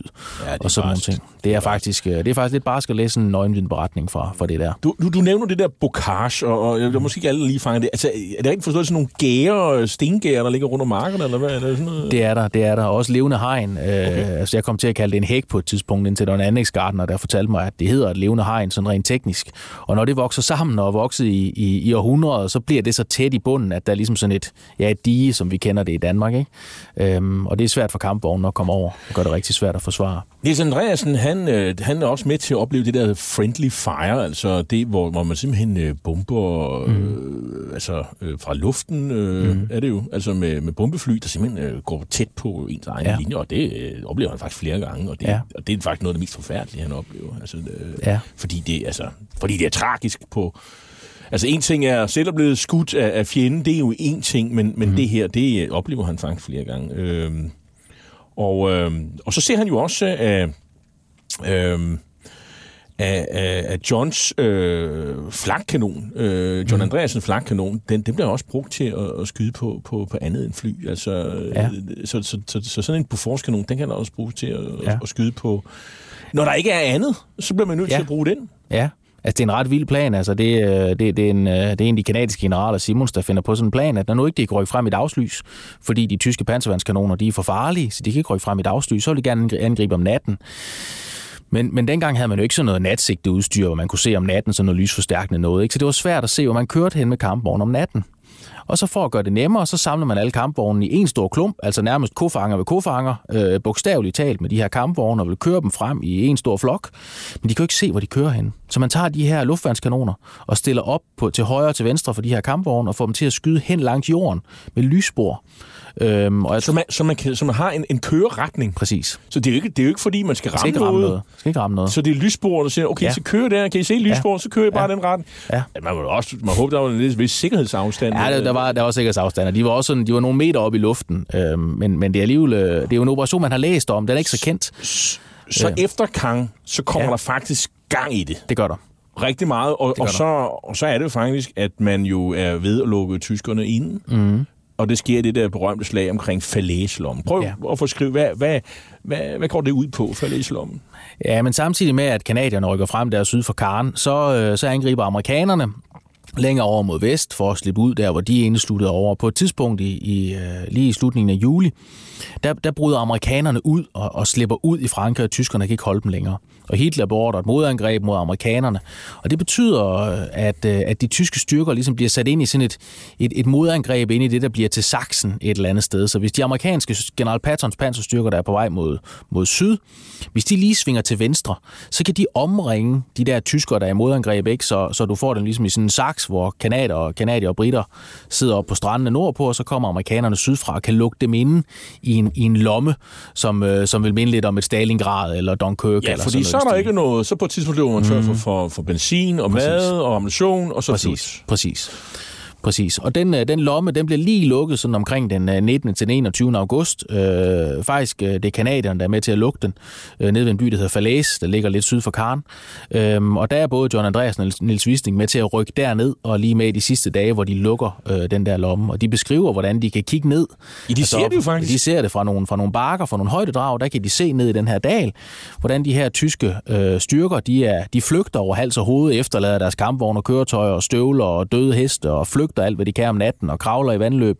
Og de kan se, at de allierede fly kommer flyvende ned og bomber dem igen og igen og igen. Dødens landevej. Dødens landevej. Og, og, og, og nogen har også beskrevet det som et tysk Dunkirk. Måske ja. Ja. lidt mindre skala, men, men, ja. Ja. men, det, men det er... Det er meget voldsomt. Det er meget dyrt for, for tyskerne. Det er reelt de mister, ødelæggelsen. de Ja. mister kampkraft. Det gør de. De mister tusindvis af køretøjer, kanoner og kampvogne, og får næsten ikke noget materiel med sig. Og det er derfor, det ligner lidt Dunkirk. Ikke? Der er nogle soldater, der undslipper, men næsten alt materiel, det må de efterlade. Men desværre er det jo så også, at øh, altså, hvis man havde kunne lukke det ned her, så. Ja. havde det måske gået lidt hurtigere. Det havde det helt sikkert, ja. Fordi det her, ja. det er ikke kampsoldater, der også Det var, der, der ville kæmpe. For alle Ja. dem, der ikke ville kæmpe, de kunne jo bare give op, jo. Og det Ja. gjorde de jo også nogle af dem. Så Ja. det her, det, er, det var Ja. de, de, var de Det er seje. blandt andet øh, 9. og 10. SS Panzerdivision, som øh, vi møder oppe i Marke Garden oppe i Arnhem for eksempel. Det er nogle af de soldater, der er undsluppet, som med nye kampvogne kan, kan kæmpe op i Holland et par måneder senere. Skoleideologiske soldater. Præcis. Okay. Man øh, forfølger jo fortsat øh, tyskerne mod nord, og mm. så ender man op i noget, der hedder Forêt de la Lande, mm. øh, nær Rouen. Mm. Øh, den forbandede skov. Ja. Kanadas glemte slag. Ja. Nu bliver det sådan lidt øh, hø- højstemt her, fordi Ja. jeg har ikke hørt om øh, Forêt de la Lande, men det, det burde jeg måske. Øh, det er her, hvor der bliver truffet nogle forkerte beslutninger, og de bliver Ja. sådan ret øh, øh, fatalt for Ja. kanadierne. Ja, altså omkring uh, Rouen, det er, det, er jo på, uh, det er jo på scenen, som man skal, en flod, man skal over, og tyskerne flygter tilbage over floden, og, og tyskerne er jo dygtige til tilbagetog på det her tidspunkt. Det har de jo lært over på Østfronten over russerne, hvordan man trækker sig tilbage. Øhm, så de, de vil gerne forsvare øh, floden, så der kan slippe endnu flere tyskere tilbage, og derfor så, så er der nogle, nogle, nogle steder, man ikke lige gætter på det, hvor tyskerne pludselig sætter sig til, til, til forsvar. Det gør de så der ved, ved Rouen, og den skov, der ligger over på den anden side, øh, Forêt de la Lande. Og kanadierne, altså, det kan godt være, at kanadierne er sådan lidt glemt i det, men de er heller ikke altid sådan lige dygtige til at føre krig. Deres generaler er måske ikke de allerbedste. Ikke? Så Har måske anden- ikke øh, den samme erfaring, øh, som... Ja, måske. Øhm, måske ikke den samme skoling. Øh, det er sådan lidt svært at sige. Men, men på en eller anden måde, så bliver de suget ind i den her skov og siger, der er nogle tyskere, og dem skal vi, dem skal vi slås med, og så bliver det dårligt håndteret fra kanadisk side. Så derfor bliver de her infanteriregimenter, som Niels Wisnik er en del af, de bliver kastet ind i den her skov, ikke? og det er, nogle, det er nogle voldsomme kampe, ikke? hvor han kører sin lastbil under beskydning og kaster den i grøften og må gemme sig i en, øh, i en hule inde i, øh, inde i skoven og sådan noget der, ikke? For, for at overleve. Tre dages kampe, og, og det her øh, regiment har 577 døde. Ja, der er vel flere øh, regimenter her, men mm. 577 døde og såret, det er meget. Og, ja. Og 22 døde og 74 såret fra Essex Scottish, ja. Som består af fire kompanier, så vidt Ja. jeg ved. Ja. Øh, og folk, der har været i hæren, de ved, sådan øh, et kompani størrelse, det er så cirka 100-110 20 Ja. mand, ikke? Ja. Så det vil sige, og det er Niels, der beskriver det her, øh, øh, de har det er næsten et kompani ud af regimentets øh, fire, der ja. Er udslettet. Ja, øh, Ja. Ved en tilfældig skov et sted i Nordfrankrig, vi aldrig har hørt om. Hmm. Ja. Øhm, og det er også her omkring, at, øh, at vi, vi får historien om den gamle soldat, der tisse i sine støvler. Øh, og, og det er også fra, fra Essex Scottish, øh, så vidt jeg husker. Ja. Altså en, øh, en, en gammel sergeant major, som havde øh, gået ned med flaget psykisk, og så. Ja. var han blevet og så var han blevet menig soldat, og alligevel været med. Han har været i hæren i over meget lang tid. Ja. Og, han, han, og det, det trick har jeg, jeg synes, jeg har jo selv været infanterist for mange herrens år siden. Men, men han tissede i sine støvler hver morgen. Hvad gjorde han? Hvorfor, hvorfor gjorde han det? Ja, det er jo for at holde læderet blødt, tænker jeg. Du tænker, det er nogle gode gamle læderstøvler fra, fra dengang øh, vi var soldat, var jeg lige ved at sige. Ikke? Og, Ja, jo, jo. og det, jeg, jeg kan ikke nok kemi, men det kan da godt være, at, øh, det kan da godt være, at urin det kan holde læder sådan i- Jamen, tilstrækkeligt ja, øh, ja. desinficeret og blødt til, at det er godt at gå i. Men altså, Så. først siger han i den, i, den, i den venstre i den, i den højre. Altså, lytterne, der, ja. I kan jo, I kan, hvis I har nogle lidt uh, seje støvler, så kan I prøve trickset, og så må, må vi se. Ja. Nå, men de, nu, nu er det jo sådan, at, de her kanaler, i hvert fald de her dele af, Kanadas her, de, de søger sådan lidt ud mod, mod, mod kanalkysten. Ja. Øh, fordi, og det er jo heller ikke rigtig noget, vi hører så meget om. Altså, fordi det, det er sådan meget Patton, øh, fokus ja. Er på på det her tidspunkt. Han rykker bare frem, ikke? Ja. Og så så det er meget amerikanerne herfra. Øh, Ja. Og så er der lidt øh, Washington Market Garden med Montgomery, og ja. Så når vi frem til Ringen, og så er det sådan set det. Ja. Øh, så så det, vi, vi, krydser de der øh, steder, men, men, men kanalerne, det, det er de herfra, så er det faktisk alt det, der foregår ud mod Atlanterhavet, ud mod Nordsøen, Ja. det er faktisk deres område. Ja. Og derfor, at kanadierne også i Belgien og Holland måske har lidt større status end ja. Så mange, man ellers skulle tro. Ja. Øh, der bliver et gensyn med, med Dieppe. Ja. Øh, den by skal jo, øh, ligger jo på vejen, den skal befries. Det er kanadierne, det er Essex Scottish, der får lov at befri byen. Ja. Og det, det er der jo grund til. Det er der en grund til. Det er jo, det er jo efter raidet der i, øh, i 1942, ikke? og de store tab, de, de har lidt, ikke? Så, så kommer det til Dieppe, og, og de får en to-tre fridage, tror jeg. Altså, altså Niels Wisnik var jo ikke med det engang, men, men han kan godt mærke, at det er virkelig noget, der betyder noget mm. for kanadierne, at komme tilbage til Dieppe, ligesom og, hvad hedder sådan noget, og, og, og, og, og gøre det godt igen efter vandæren der i 1942. Så Og der de er bliver- store parade og fridage. Og De bliver noget der. modtaget som helte. Fuldstændig, Og der er jo ja. særligt bånd stadigvæk. Ja, ja. Og, øh, men, men, men Montgomery, han synes, det er noget pjat. Han synes, det er noget, der, vi, skal, vi har en krig at kæmpe, vi, det, alt det der med parade må vente. Ja. Han, han, han synes, Ja. det, han er simpelthen imod det der. Det, han Ja. synes, det er noget fis. Ja. Øh, det kan man jo godt argumentere for, kan man, men, men sådan er det. Øh, og så går øh, slaget ellers i gang. Øh, fæstningsbyer langs øh, kysten. Mm. Boulogne, Calais, Ostende. Ja. Men det er fæstningsbyer. Det, det, det tager altså noget tid at, at Det gør gøre det. tyskerne mø, mø, og, og det koster også et tab. Det, det gør det bestemt, ja. Altså, Hitler har jo erklæret dem alle sammen fæstninger, og de må ikke overgive sig sådan på vanlig vis, ikke? Så, så tyskerne forsvarer sig, og så bliver der afsat, for der er egentlig mange byer. Og selvom der er mange, mange kanadiske soldater, så, så rækker soldaterne ikke så langt. Så det, det er relativt små angribende enheder, der bliver sat af til de her byer, og derfor bliver det også ekstra hårdt nogle steder. Øhm, Og Niels og, og John er med.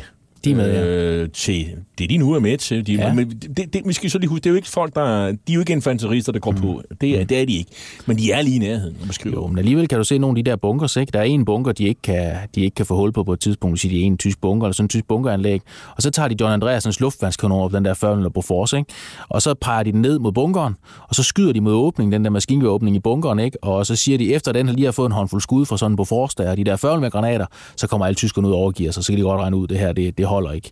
Øh, Så han får jo brugt sin kanon mod jordmål, øh, begyndende her omkring øh, på den måde. Og det sker jo også, at der kommer tyske fly stadigvæk. Det gør der. Og, og, det, Ja. og det er jo ligesom hans opgave. Det er ligesom Ja. at kigge op i luften hele tiden. Ja. Ja. Der kommer der nogen, og det gør der jo indimellem. Ja, ja. The proud cenotaph looks down on another generation of Canadians who have nobly upheld the traditions their fathers died for on Vimy Ridge.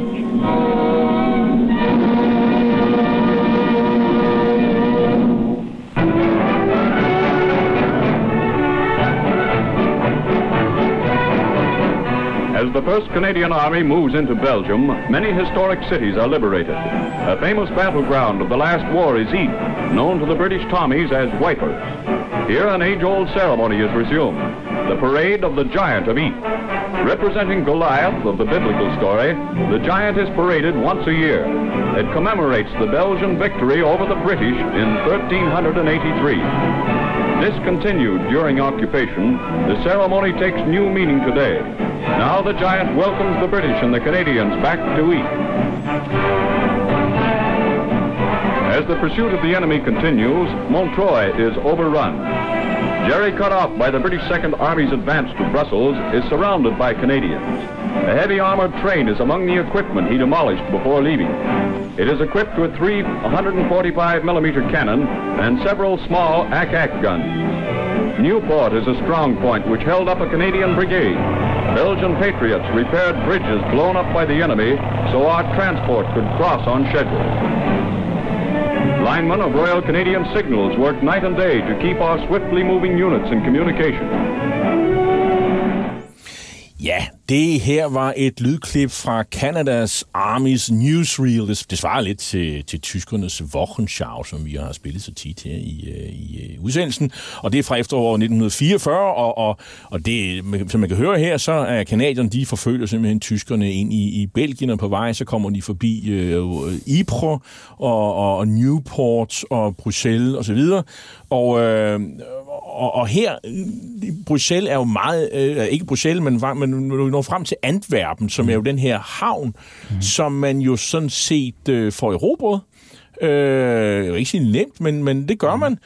Men der er bare det problem, at øh, man kan ikke rigtig bruge den her havn til noget, fordi indsejlingen, den, øh, den kontrollerer man ikke. Og det er jo, der er altså meget langt ind. Mm. Øh, hvis man tager sådan et landkort, mm. og der er nogle fine kort med her, så kan man mm. godt se, at, øh, at øh, det kan ikke nytte noget, man kun har havnen, man skal også kunne kontrollere indsejlingen. Og på det her tidspunkt, Niels Vistesen, der har de allierede det problem, at de har, de har ikke nogen stor havn, som de kan få forsyningerne ind øh, mm. med. Og det er et kæmpe problem. det er faktisk det største problem, de allierede har. Fordi tyskerne er på det her tidspunkt på flugt og ved at bryde sammen, så det er faktisk det allerstørste problem, de allierede de har, det er at få forsyninger i land, og, øh, og de ved det godt. Øh, langt størstedelen af forsyningerne på det her tidspunkt, det kommer stadigvæk ind over enten Utah Beach, eller den ene af de her kunstige Målbøj-havne i, øh, ved, ved den engelske, hvad hedder det, ved Gold, ved, ved Arromange, hvor der ligger den her Målbøj-havn, så skal det køres på lastbil helt frem til fronten. Det er derfor, Patrons kampvogne løber tør for, øh, for benzin nogle gange, og det er derfor, at Montgomery han kæmper så hårdt for at få alle forsyningerne til sin øh, fantastiske operation Marke Garden på det her tidspunkt i starten af september. Og, øh, og det er jo sådan øh, Schelte, der er sådan en, øh, som er ligesom ja. en flod, og der, men det, det er ikke sådan, at man bare kontrollerer kontrollerer den ene del. Det er begge sider Ja. af, af indsejlingen til Mm. Antwerpen. Mm. Det er faktisk under tysk kontrol. Det er og det. hvorfor er det ikke lykkedes for, for de allierede at rykke op og i det mindste kontrollere noget af indsejlingen? Altså, jeg tror, den, den korte historie i dag, det, er- der, er sådan en lang forklaring med, hvordan generaler og admiraler, de er jo enige om det og sådan noget der. Og jeg tror, den korte forklaring, det er, at, at britterne, de, øh, øh, altså, de, de klumrer i det et eller andet sted. Og, og den der tætteste på at indrømme det efter krigen, det er den britiske general Horrocks. Øh, det er egentlig ham, der befrier Antwerpen. Øh, han er korpschef for et britisk panserkorps. Det er også ham, der er med i Operation Market Garden i, øh, på, på landjorden der. Og, øh, og, og sådan øh, bliver spillet i filmen af, af Edward Fox i... i øh, i filmen om, øh, om broen ved Arnhem. Øh, og det er ham, der befrier, og han indrømmer det faktisk lidt efter krigen, at det var en fejl. Altså hans øh, panserstyrker, de når frem og, og befrier Antwerpen centrum, øhm, og så holder de der, og, og alle er glade og fester, og du ved, øh, belgierne byder dem velkommen, og blomster og noget at drikke og sådan nogle ting, og sådan noget der, og så kommer de sgu ikke rigtig videre. Ikke? Og det er en kæmpe fejltagelse. Det er en af de helt store fejltagelser i kampen under Vesteuropa. Og der går ret lang tid. Altså, vi er over på den anden side af, af årsskiftet før. øh, Ja, før kan ikke bruges noget. Ja. Og øh, så, så der kan man bare sige, hvad logistik øh, simpelthen ja. betyder. Det, ja. Det er faktisk øh, ret øh, at afgørende. Men, men Antwerpen, det er, jo, det er jo meget specielt, fordi altså, både øh, Nils og John, mm-hmm. de, de, øh, de kommer jo til Antwerpen. Det er sådan ja. øh, den første sådan en rigtig stor by, de kommer. Ja. til egentlig, hvor der er sådan et, et, et, et, et leben, hvor folk er glade for at blive befriet, og, Ja. og der er sådan noget befrielsesrus, og, Ja. og men, øh, men det er jo sådan, de skal jo ikke ret langt fra Antwerpen, faktisk ude i forstederne, så, så sidder tyskerne på det. Ja. Og samtidig med, at øh, tyskerne jo, de, jo, de, de fortsætter med V1 og V2-bomber. Ja. Altså V2-bomberen, det er den der knallert øh, motor, der sådan, Mm. og, sådan, og, sådan, og så og V1-bomben, det er den der Tintin-raket. Øh, V2 er, er ja, ja, Tintin-raketen, selvfølgelig. ikke? Ja, præcis. og, og, og, og, og, og, og, og, og V2-raketten kan de ikke rigtig gøre noget ved, Mhm. mm. og V1-raketten, den er lidt langsom. Til gengæld har de rigtig mange af dem, Ja. og de lander hele tiden. i Hele tiden, ja.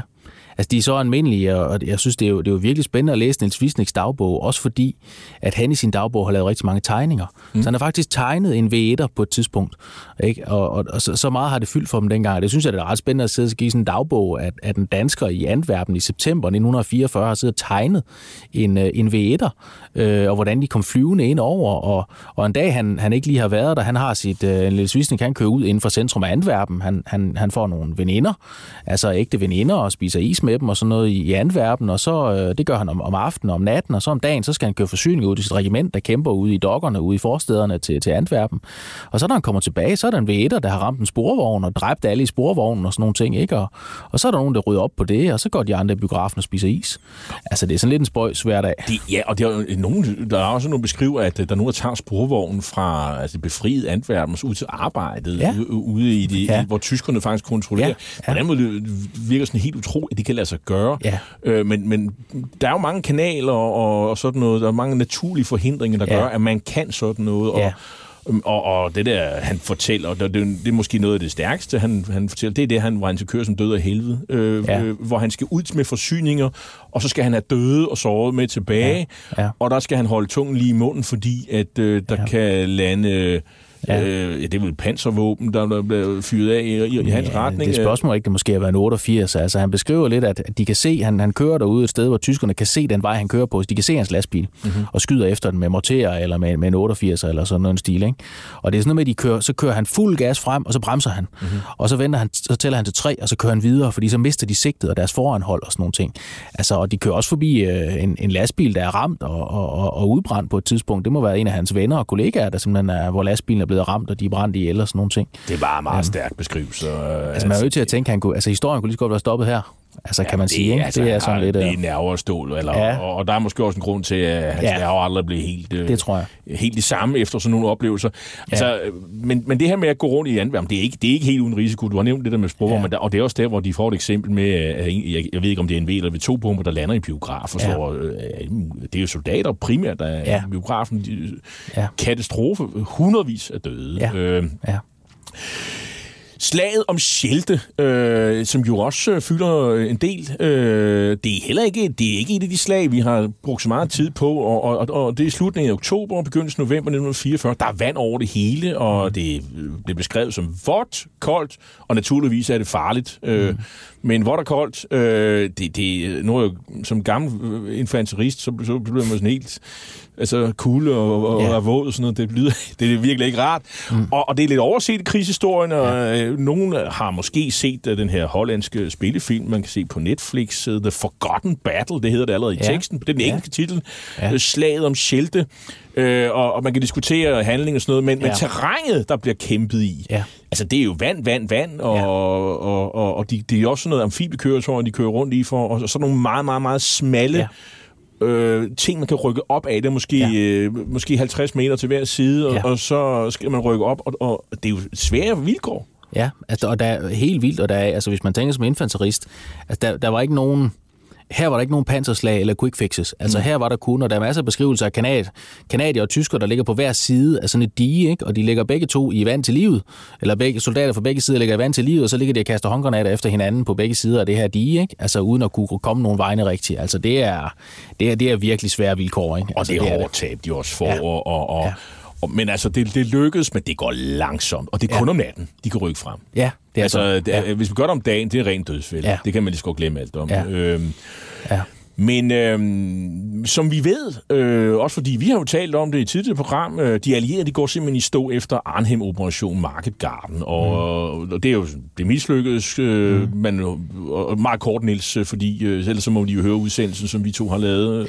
Ja, men det, det er jo virkelig fordi, at man ikke får den sidste bro op i, op i Arnhem, at tyskerne holder den. Ikke? Øh, og, og Montgomery erklærer jo operationen en, øh, en 90% succes, ikke? men i virkeligheden er det jo en fiasko. Så man har lavet en bul ind i de tyske linjer, som går op i Holland op til Arnhem, og så stopper man der. Og så går så fronten lidt i stå, ikke? Det gør den. Det Fordi, også fordi det er vinter nu, ikke? Ja, det gør så. Ja.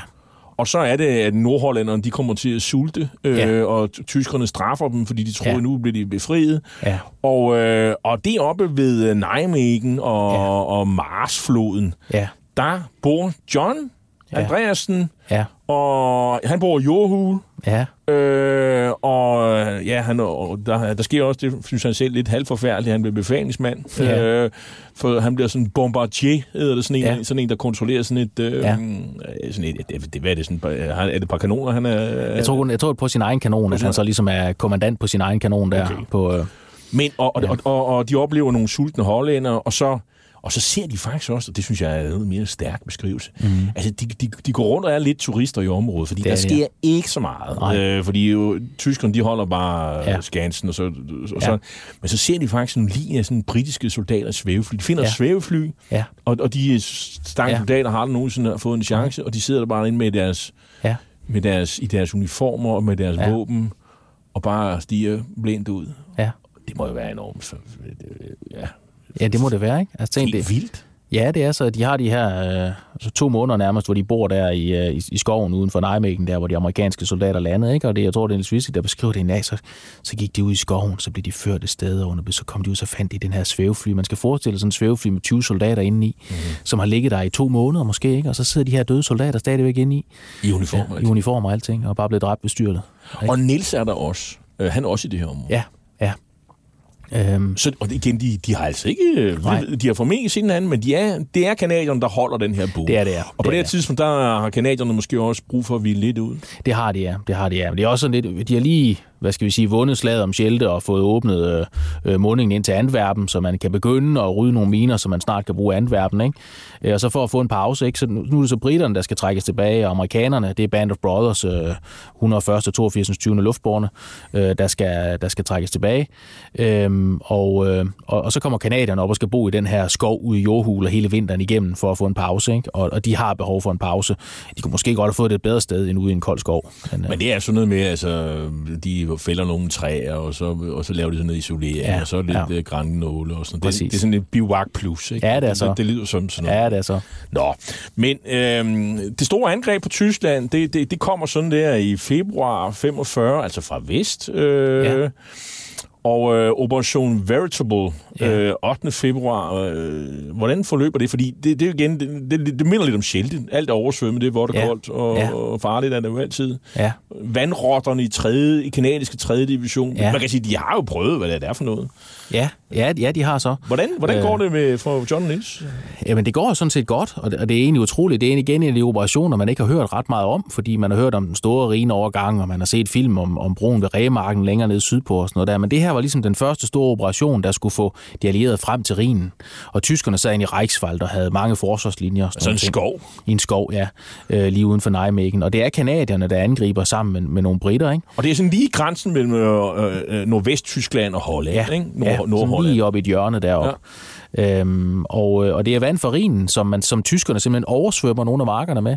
Og John Andreasen, han oplever det, at, at de er kørt frem, så jo ikke i forreste linje i angreb, men sådan næsten i forreste linje. Øh, og så holder de på en bakketop, og så kommer vandet bare og stiger og oversvømmer den, og så sidder de ligesom på sådan en øde ø derude på en bakketop med deres kanon. Og så kommer der sådan en, øh, et amfibiekøretøj øh, svømmende ud til dem med, med post og, og forsyninger og sådan nogle ting. Og så må de sidde der en tre dage, indtil vandet det falder, indtil de kan køre videre. Ikke? Så det er sådan bogstaveligt talt oversvømmet. Og det der amfibiekøretøj, de kalder for en alligator, ikke? Jo, jo, jo. Øh, Ja.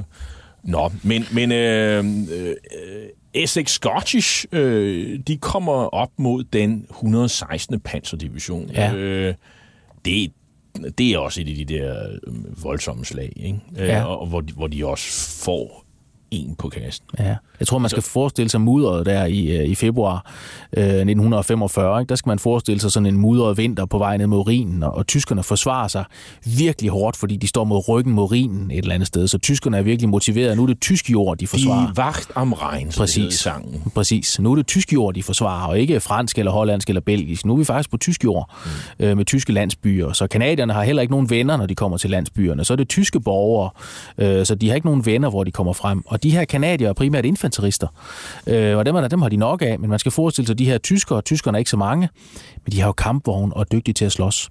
Så nogle steder i de her åbne, mudrede områder, skovområder, der er det rigtig dygtige tyskere, der forsvarer sig i skyttegrave med maskingevær, og så er det tyske kampvogne, der kommer og angriber de her kanadiske infanterister, som ikke rigtig kan forsvare sig imod det. Men altså, man, man kan jo nogle gange øh, høre fra, fra nogen sige, ja, men her i februar 1945, mm. der var tyskerne jo slået, og det var jo, hvorfor, hvorfor var man ikke mere nådig over for Ja. tyskerne og sådan noget, den tyske Ja. krigsmaskine, hvorfor bombede man dem og sådan noget. Ja. Altså, når man læser den her bog, Ja. så, altså, de kæmper jo til sidste patron. Altså, Det gør de. altså, Det gør de. Det er Goebbels, Ja. øh, i, hvert fald, i hvert fald visse enheder, vi snakker Ja. ikke om folkestorm, mm. sådan noget. men, men de enheder, der er, står her, de kæmper til sidste patron, øh, bis zum letztem Atemzug, Ja. som man siger i den Goebbels ja. i, i talen der i 43. Ja. Det, det, det er faktisk det, de- altså, det, er det, de oplever her. De Ja. oplever ikke, Nej. at øh, ah, men nu har vi skudt lidt, og så, så, så overgiver vi os. Nej, nej. Tværtimod, den her træfning med 116. Panserdivision, Ja. samlet tab, 55 døde, 99 såret, 54 til fangentagende. Ja.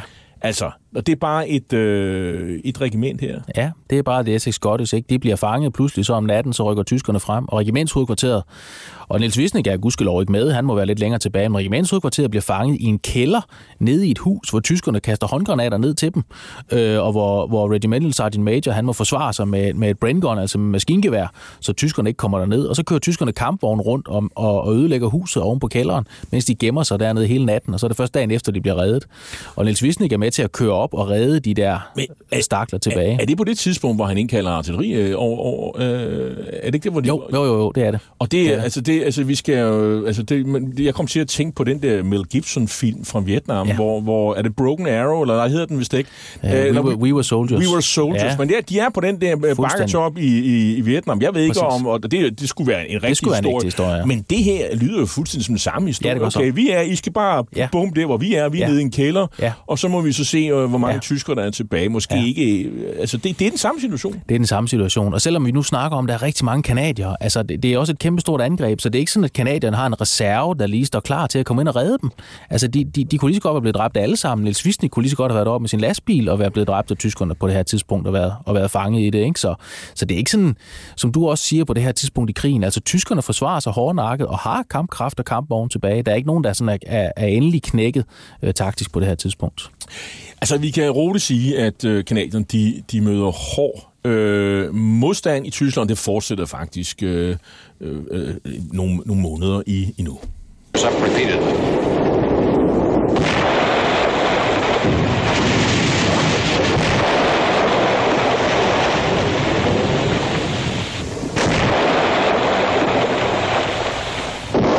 Under Heavy enemy fire. Combat engineers out on the incompleted span dash back to shore.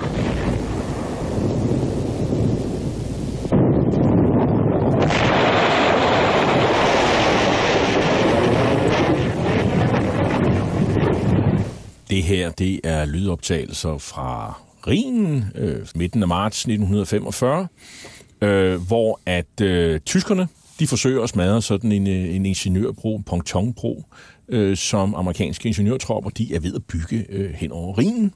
Og øh, øh, både Nils og, og John, de deltager i slaget om Rhinen, og den, det ligger, løber af staben der fra 23. marts 1945. Øh, og Nils, øh, prøv at sætte os ind i, i scenariet. Hvad, hvad er det, der sker? Det er, det er endnu et af Montgomerys prestigeprojekter. Det er en kæmpestor rinerogang, og han har forberedt det i månedsvis, og de har forberedt sig for en artilleri og alt muligt andet. Og det løber så også staben den 23. marts øh, 45 med en et kæmpestor artilleriforberedelse, og så angriber de i, øh, i landgangsbåde faktisk over Rhinen, øh, øh, angriber over øh, primært britiske styrker i første bølge, og så bliver kastet en masse faldskabstropper ned bagved. Det er faktisk den største faldskabsoperation under krigen. Den er større end både D-dag og, og Market Garden, hvor de kalder faldskabstropper ned. Og de, og de der faldskabstropper, de, de dør altså. Det gør de. Altså, Det, gør de. det er livsfarligt. Det er det, er dagslys store, og- det er ja. store tab. Ja, det er, altså, det er dagslys og, og tæt på fronten, så tyskerne har luftværnsskyts og sådan noget fremme. Så det er, det er, det er, det er kostbart, men altså, de allierede er så, er så overlegen, at, at de vinder den der overgang. Og Churchill, han ser slaget øh, fra en, øh, en lænestol fra en, en banketop. Ja. Og, øh, og hvis man øh, øh, læser øh, øh, erindringen fra, fra øh, øh, imperiets øh, generalstabschef, øh, så, så, så er Churchill, han går hen og sådan tisser i rigen, Ja. og, det, og det, det er han så glad for. Jeg har Ja. godt nok ikke med i jeres bog, men... Øh, Nej, det, det jo lidt uden for kontekst, men, men, men det er rigtigt, det er en god historie. Altså, han, er, han er jo en stor dreng et eller andet Ja, sted, selvom han han, nærmer sig de 70. Ja. Ja. Han er faktisk over 70, det tror jeg, Ja. på det her tidspunkt. Nå, men øh, et lille sidespring, men jeg, jeg synes, det passede ind her. Øhm, og øh, øh, fronten ved Rhinen øh, kollapser øh, til sidst for tyskerne, og så på et tidspunkt er der, så er der en del af de her tropper, altså de kanadiske tropper, de skal sådan tilbage og, og hjælpe med at befri det, det nordlige øh, Holland. Og, og det synes i hvert fald Nils er en... Øh, det, det bryder han sig mere om, fordi altså, Ja. som han synes, at, at hollænderne tager mere, tager mere Ja. varmt imod Ja. ham, og det er måske heller ikke helt så farligt, men det er ikke ufarligt. Altså, de oplever jo hele tiden, at Ja. ja. der er små lommer af tyske soldater, Ja. ja. Som laver, hvad hedder det, øh, baghold, Ja, baghold og, og hvis man kører forrest, så er man udsat. Det er man i hvert fald. Øhm, og det er igen, altså det er, nu, nu skifter krigen sådan et karakter, der er ikke, hvor, altså det kan godt være, at der er nogle folkestuer, som overgiver sig hurtigt, og tyskerne, der begynder det så småt at kollapse, men der er jo stadig nogle af de her små lommer øh, af sådan, hvad hedder sådan noget die hard tyskere, ikke, som, som virkelig vil kæmpe til det sidste, ikke? Mm. Øh, og måske særligt nogle nazister op i Holland. Der er også nogle af de der hollandske nazister, altså som godt ved, at det er ikke så fedt for dem, når krigen er tabt, så kan de lige så godt kæmpe til det sidste, ikke? Så Det er kanadierne, der befrier den øh, eneste sådan, øh, egentlige koncentrationslejr i Holland, øh, som hedder Vesterborg. Øh, det gør de den 12. april. Man mener, at 100.000 jøder, altså også primært Ja. hollandske jøder, de passerede øh, den her lejr, før de sådan kørt videre til udryddelseslejrene Ja. i, i primært Polen, og øh, det nuværende Polen. Og der var der kun øh, 800 og 76 jøder tilbage i meget, meget dårlig øh, forfatning. Vi, du spekulerer, I spekulerer lidt om, har Niels set lejren? Mm. Og, og der er noget med en guldring, der indikerer, at det har han nok. Ja, han har mange ting med hjem, Niels Wisting. Han har mange souvenirs med hjem. Ja, det har han. Man kan kalde det krigsbytte. Eller souvenirs, han er med hjem, og en af dem er sådan en guldring, som, som, han, som skulle komme fra den der koncentrationslejr. Og det kan man jo godt spekulere i, hvordan han har fået fat i den, men, men det er jo ikke sikkert, at han har fået en direkte fra koncentrationslejren. Han, har, man byttede så også til mange ting. Det var ikke så unormalt dengang, men han, han er en, øh, en samler. Der er ja. naziflag og naziarmbind og, Ja. ja. og, og, og ting og sager fra fjenden, han har samlet sammen Ja. og sådan noget. Og, Ja. og har været, øvrigt været flink og donere meget af det til, til, til danske museer. Og sådan Ja, noget. ja, ja, bestemt, ja. Bestemt, ja. Altså det mest det ærgerlige på et tidspunkt, der falder der en messersmith ned i, i Nordfrankrig, der vi er tilbage i, i september, der omkring uh, Rouen. Der falder en messersmith ned, som, uh, som de er ude og, og lede i flyvemaskinen, så der tager han kompasset for den her messersmith og placerer i sin lastbil, så han kan finde vej. Uh, og det har vi altså ikke kunnet finde. Det kunne ellers have været sådan lidt en, en interessant souvenir, synes jeg. Men nu er krigen ved at, at slutte, i hvert fald for kanadiernes vedkommende. Near Hamburg, Germany, General Sir Bernard Montgomery receives German surrender offers from General Admiral Hans von Friedeberg affecting northern Germany and Denmark. The Germans, as always, seek to divide the Allies. Offering surrender of three armies to Britain and America, but not to Russia. Curtly refused by Montgomery, they have one alternative the unconditional surrender of all their northern forces. Among themselves, the Germans discuss the unyielding Allied terms before returning to their own lines. 25 hours later, they return.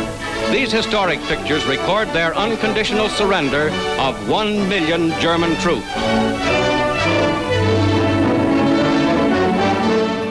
Og det er de soldater, som vi kan øh, vi senere høre i, eller vi har hørt så mange gange i Holland og Vesttyskland og Danmark. Delkapitulationen, kan man sige. Det, de overgiver sig jo netop ikke til russerne. Det kommer først et par dage senere. John, han var nær den nordvesttyske by Emden, øh, tæt på, på Holland.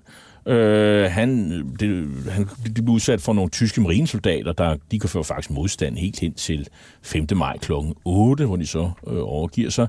Niels, han er ved Oldenburg, det er jo så, der er flere forskellige Oldenburg, men det er den Oldenburg, som ligger i Nordvesttyskland, øh, tæt ved Bremen, altså sådan ja. vest for Bremen. Ja. Der, der er også det gamle danske Oldenburg, men det er altså ikke der, han Niels mm. han er. Og så tager de jo sådan til, til Danmark for at besøge familien efter befrielsen. Niels han låner en lastbil og, og kører til Danmark.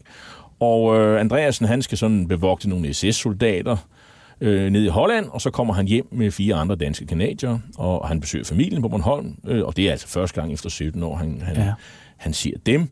Og, øh, og, og så, så er det sådan, at Andreasen, han tager tilbage til, til, øh, til Canada, og, og finder sig ud af, at han, det, han skal i hvert fald ikke være soldat mere, Nej. og, og Ja, han savner vel egentlig det gamle land. Der, er vel, Ja, jeg tror jeg.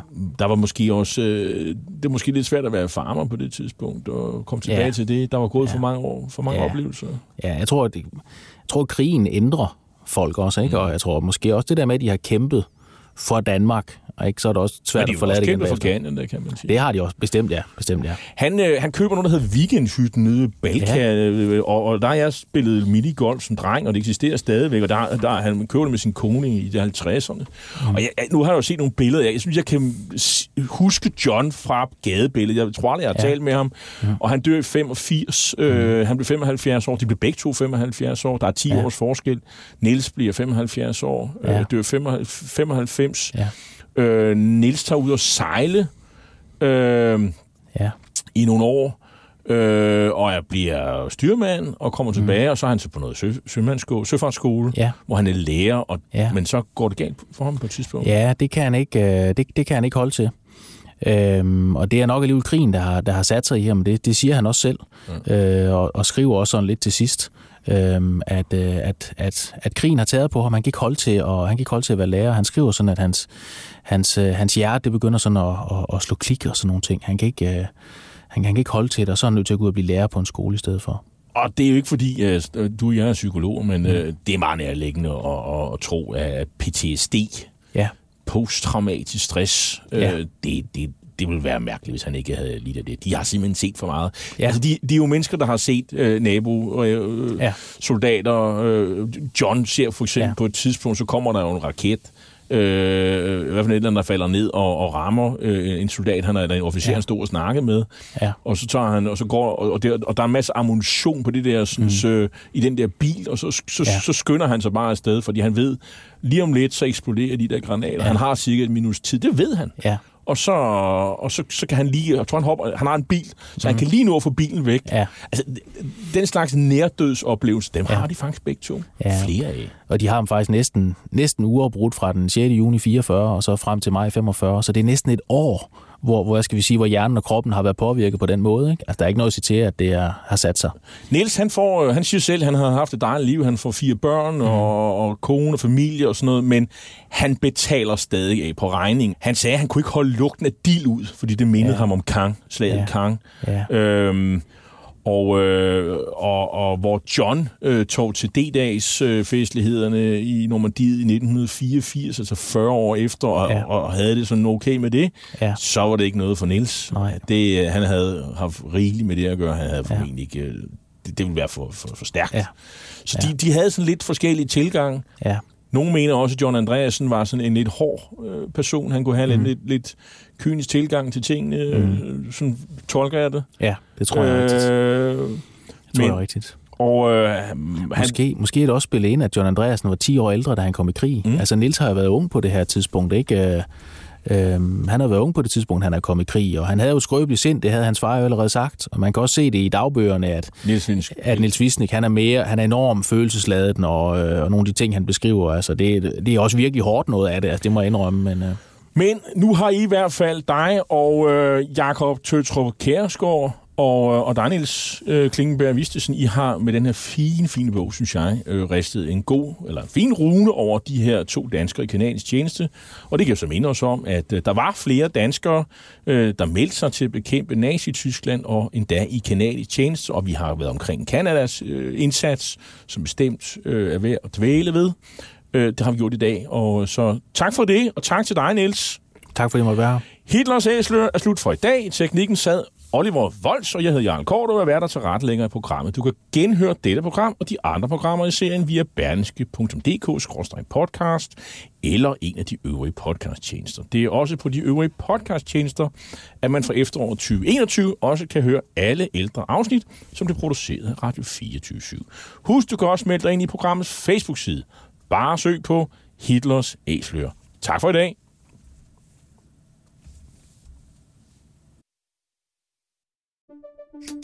Banke, banke på. Hvem der? Det, det er spicy. Spicy hvem? Spicy Chicken McNuggets, der er tilbage på menuen hos McDonald's. Badum, bom, tji.